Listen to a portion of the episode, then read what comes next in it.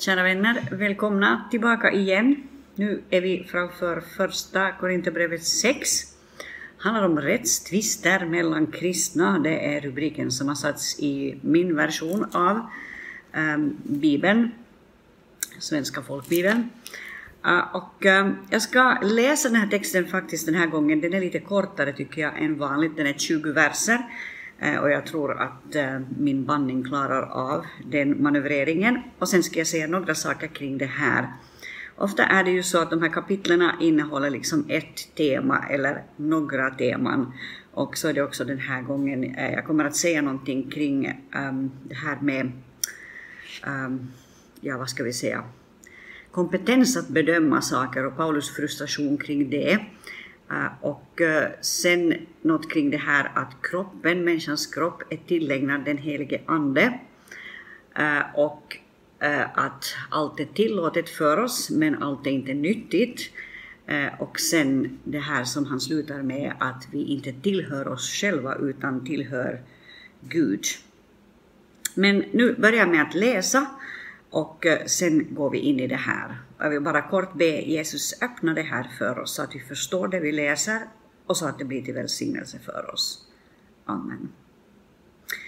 Hur kan någon av er som är i tvist med en annan gå till domstol inför de orättfärdiga och inte inför de heliga? Vet ni inte att de heliga ska döma världen? Och om världen ska dömas av er, duger ni då inte till att döma i små saker? Vet ni inte att vi ska döma änglar?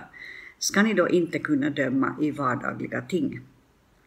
Men när ni har vardagliga brister sätter ni folk till domare som församlingen inte har förtroende för. Det här säger jag för att ni ska skämmas. Finns det ingen förståndig bland er, ingen som kan vara skiljedomare mellan bröder? Istället går broder till domstol med broder och detta inför otroende. Redan det att ni processar med varandra är ett nederlag för er. Varför tar ni inte hellre en oförrätt? Varför tar ni inte hellre en oförlust? Istället gör ni själva orätt och roffar åt er och det drabbar bröder. Vet ni inte att orättfärdiga inte ska få ärva Guds rike? Bedra inte er själva. Varken sexuellt omoraliska eller avgudadyrkare, varken äktenskapsbrytare eller de som utövar homosexualitet eller som låter sig utnyttjas för sånt, Varken tjuvar eller giriga, varken drinkare, förtalare eller utsugare ska ärva Guds rike. Sådana har några av er varit, men ni har tvättats rena, ni har blivit helgade, ni har förklarats rättfärdiga i Herren Jesu Kristi namn och i vår Guds ande. Allt är tillåtet för mig, men allt är inte nyttigt. Allt är tillåtet för mig, men jag ska inte låta något ta makten över mig. Maten är till för magen och magen för maten, men Gud ska göra slut på dem båda. Men kroppen är inte till för omoral utan för Herren och Herren för kroppen. Gud har uppväckt Herren och genom sin makt ska han uppväcka även oss. Vet ni inte att era kroppar är delar i Kristi kropp? Ska jag ta delar av Kristi kropp och göra dem till ett med en prostituerads kropp? Verkligen inte. Eller vet ni inte att den som förenar sig med en prostituerad blir en enda kropp med henne? Det heter de två ska bli ett kött. Men den som är förenad med Herren är en ande med honom. Fly sexuell omoral. All annan synd som en människa begår är utanför kroppen, men den sexuellt omoraliske syndar mot sin egen kropp.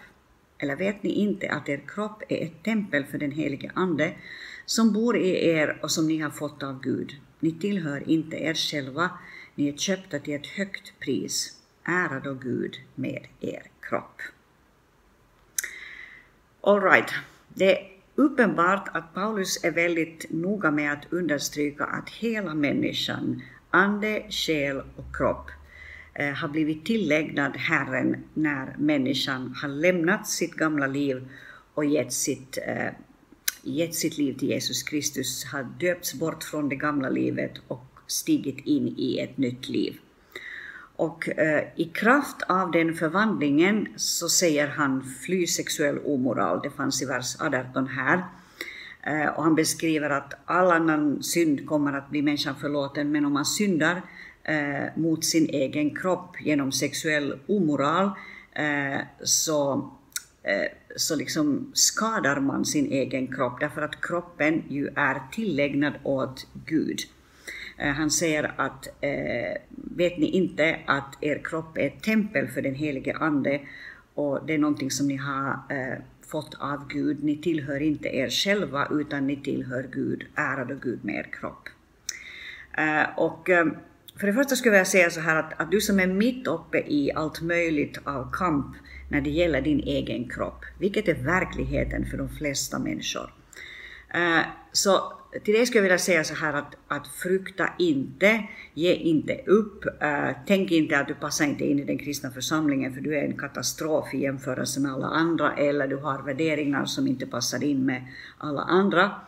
Utan, utan se ditt livsprojekt som kristen som en som ett långtidsprojekt där Gud ska jobba länge med dig, så som han har jobbat länge med mig och kommer att få jobba länge med mig ännu om jag får leva.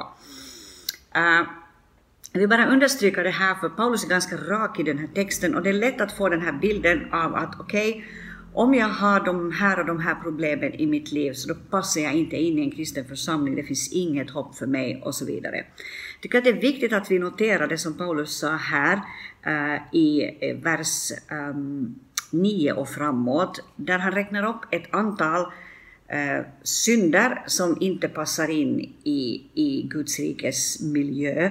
Han talar om sexuellt omoraliska, om avgudadyrkare, han talar också om äktenskapsbrytare, eh, om människor som utövar homosexualitet eller låter sig utnyttjas för det, eh, om människor som är tjuvar eller giriga, drinkare, förtalare eller utsugare, alla de ska inte ärva Guds rike. Och det är ju bra att han gör en tydlig poäng av det och jag, och jag är inte ute efter att liksom nedvärdera det han säger eller ta bort någonting av det, men jag skulle bara vilja säga att i en tid då vi lätt plockar fram en viss sak, som till exempel homosexualitet i den här tiden som vi nu lever i, 2021, Eh, så det är lätt att vi på något sätt blåser upp en grej som det absolut mest förskräckliga som finns nu och så kanske vi själva är ett exempel på vad det innebär att vara förtalare eller utsugare eller drinkare eller tjuv eller något annat.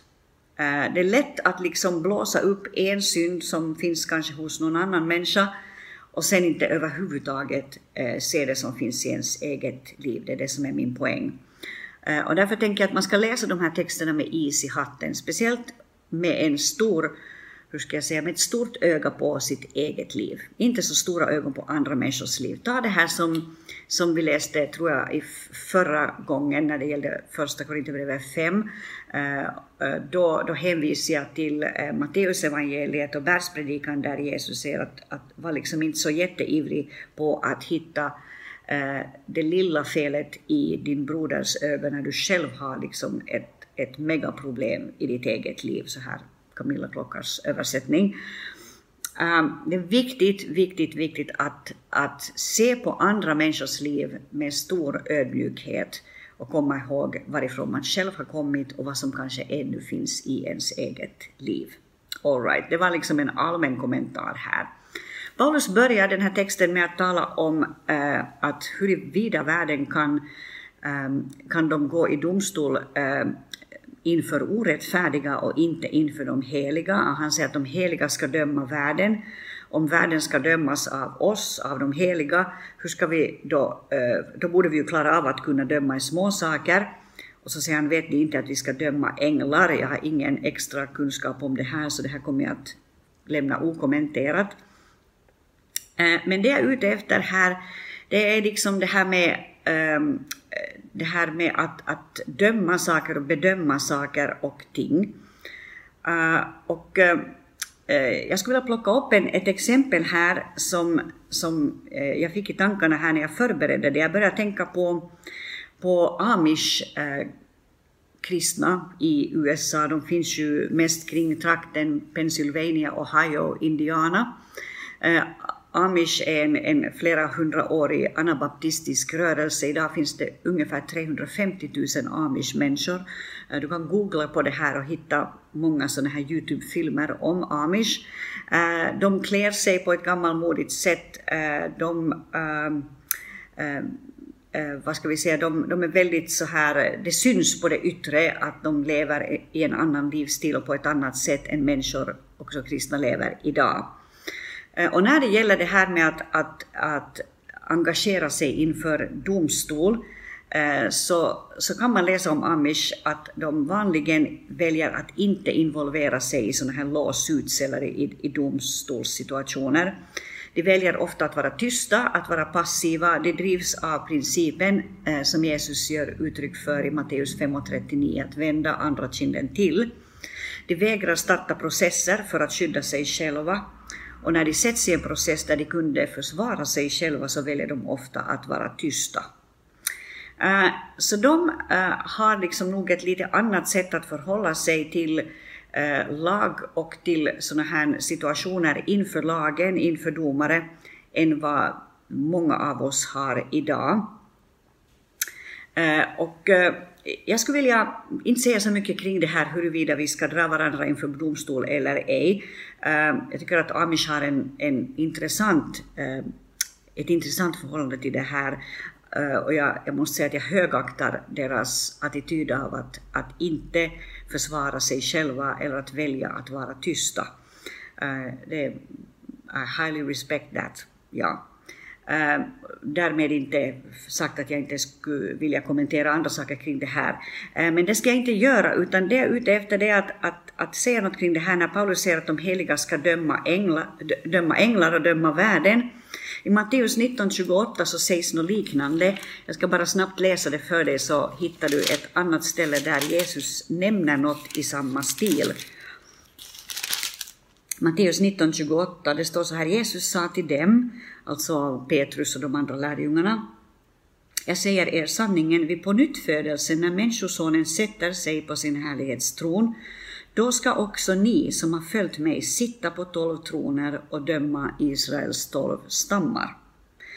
Eh, så det säger Jesus i Matteus 19. I Matteus 25, om vi går lite vidare eh, och läser i vers 31 och 33, eller vers 31 till 33, så är bilden något annorlunda. När Människosonen kommer i sin härlighet och alla änglar med honom, då ska han sätta sig på sin härlighetstron. Alla folk ska samlas inför honom och han ska skilja dem från varandra som heden skiljer fåren från getterna. Och han ska ställa fåren på sin högra sida och getterna på den vänstra. Uh, och där är nog bilden av att det är, det är, Jesus som sitter på tronen och Jesus som gör bedömningarna. Men där tidigare i Matteus 19 så nämns åtminstone någon typ av situation där de heliga är med och dömer världen. Jag tänker mig att allt detta som har att göra med, liksom med, med livsstil och frågor kring sådana här saker förutsätter andlig mognad och andlig kompetens. Och framförallt ett väldigt stort hjärta. Eh, det är inte så ovanligt att kristna också idag kan ha väldigt starka åsikter om någonting som de menar att Bibeln säger och som Bibeln de facto också kanske säger. Men förmågan att formulera det och för, förmågan att leverera det är inte alltid så väldigt bra. Den där mognaden eh, som man behöver som andlig förälder för att kunna säga något till, till, till barn som kanske inte har eh, Eh, barn, bildligt talat, som inte har eh, samma insikt ännu eller som inte har läst så mycket kanske ännu i vad Guds ord säger om olika saker.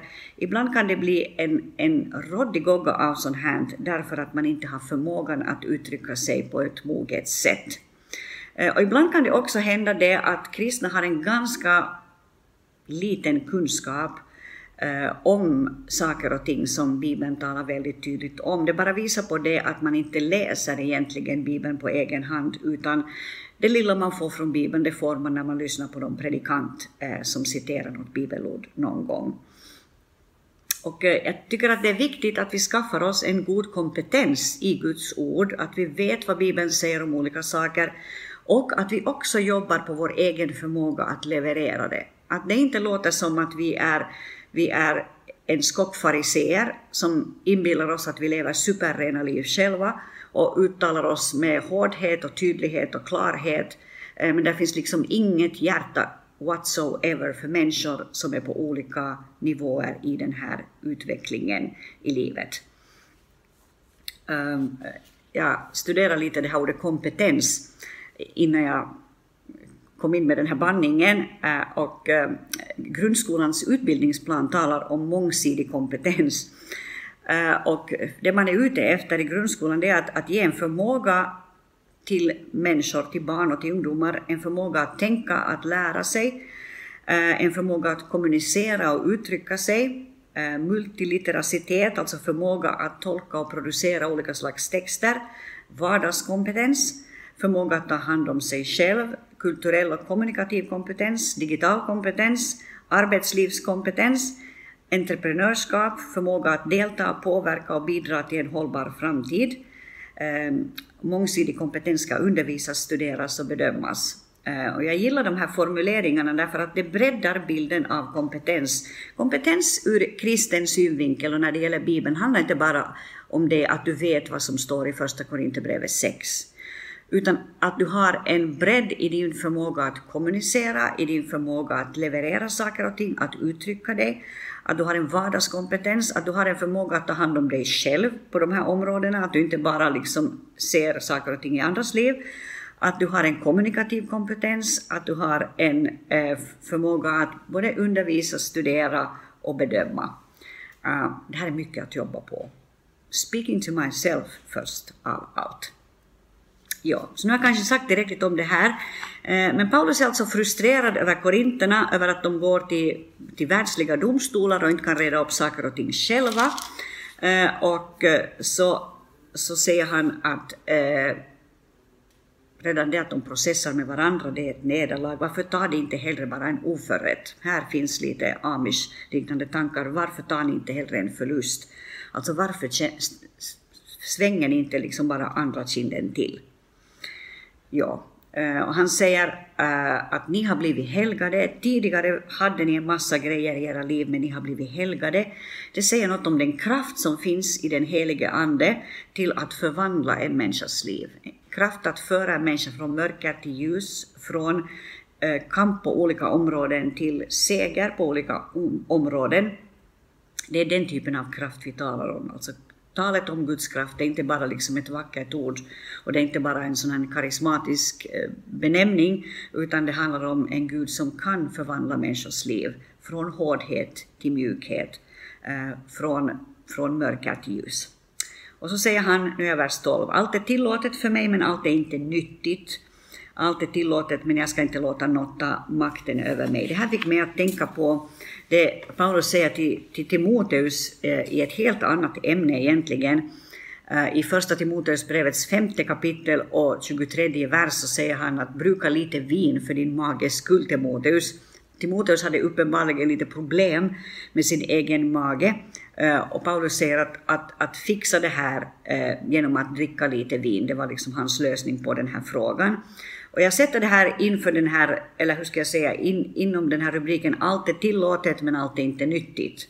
Eh, så det var tillåtet för Timoteus att göra det här, att ta lite vin för sin mages skull, men det är inte nyttigt att börja liksom äh, överanvända vinet för helt andra, äh, hur ska jag säga, med helt andra tankar. All right. Äh, och eh, sen skulle jag vilja säga något kring det här när Paulus talar om att kroppen är till för Herren. Och perspektivet är det här att ni ska inte handskas fel med era kroppar. Eh, det finns förstås också det här karismatiska perspektivet här att kroppen är ett tempel för den helige Ande och det är vi ofta vana med att understryka. Eh, och det står ju här att, att vet ni inte att er kropp är ett tempel för den helige Ande som bor i er och som ni har fått av Gud. Ni tillhör inte er själva. Ni är köpta till ett högt pris, ära då Gud med er kropp. Och det, det finns ju förstås många perspektiv på det här. Men framförallt detta att människan, när hon har gett sig till Jesus Kristus, då har hon gett sig med ande, själ och kropp till Herren. Och då tillhör hela livet Herren. Då är det inte bara söndagen som gäller, då är det inte bara en timme i veckan som gäller, eller en liten stund inför bibelordet som gäller, utan genom hela veckan genom dygnets 24 timmar så tillhör min kropp Herren. Herren bor i min kropp. Jag bär med mig Herren och hans kraft i min kropp. Och min kropp är älskad av Herren. Han tar hand om min kropp som är bräcklig, kanske av sjukdom eller smärta. Han tar hand om min kropp. Och i psalm 139, som är en ytterst vacker beskrivning av, av det här med hur Gud har ett hjärta för kroppen och hur han ser oss, ända från den dag när vi blev eh, till. Det står så här, jag läser från vers 13 till 18.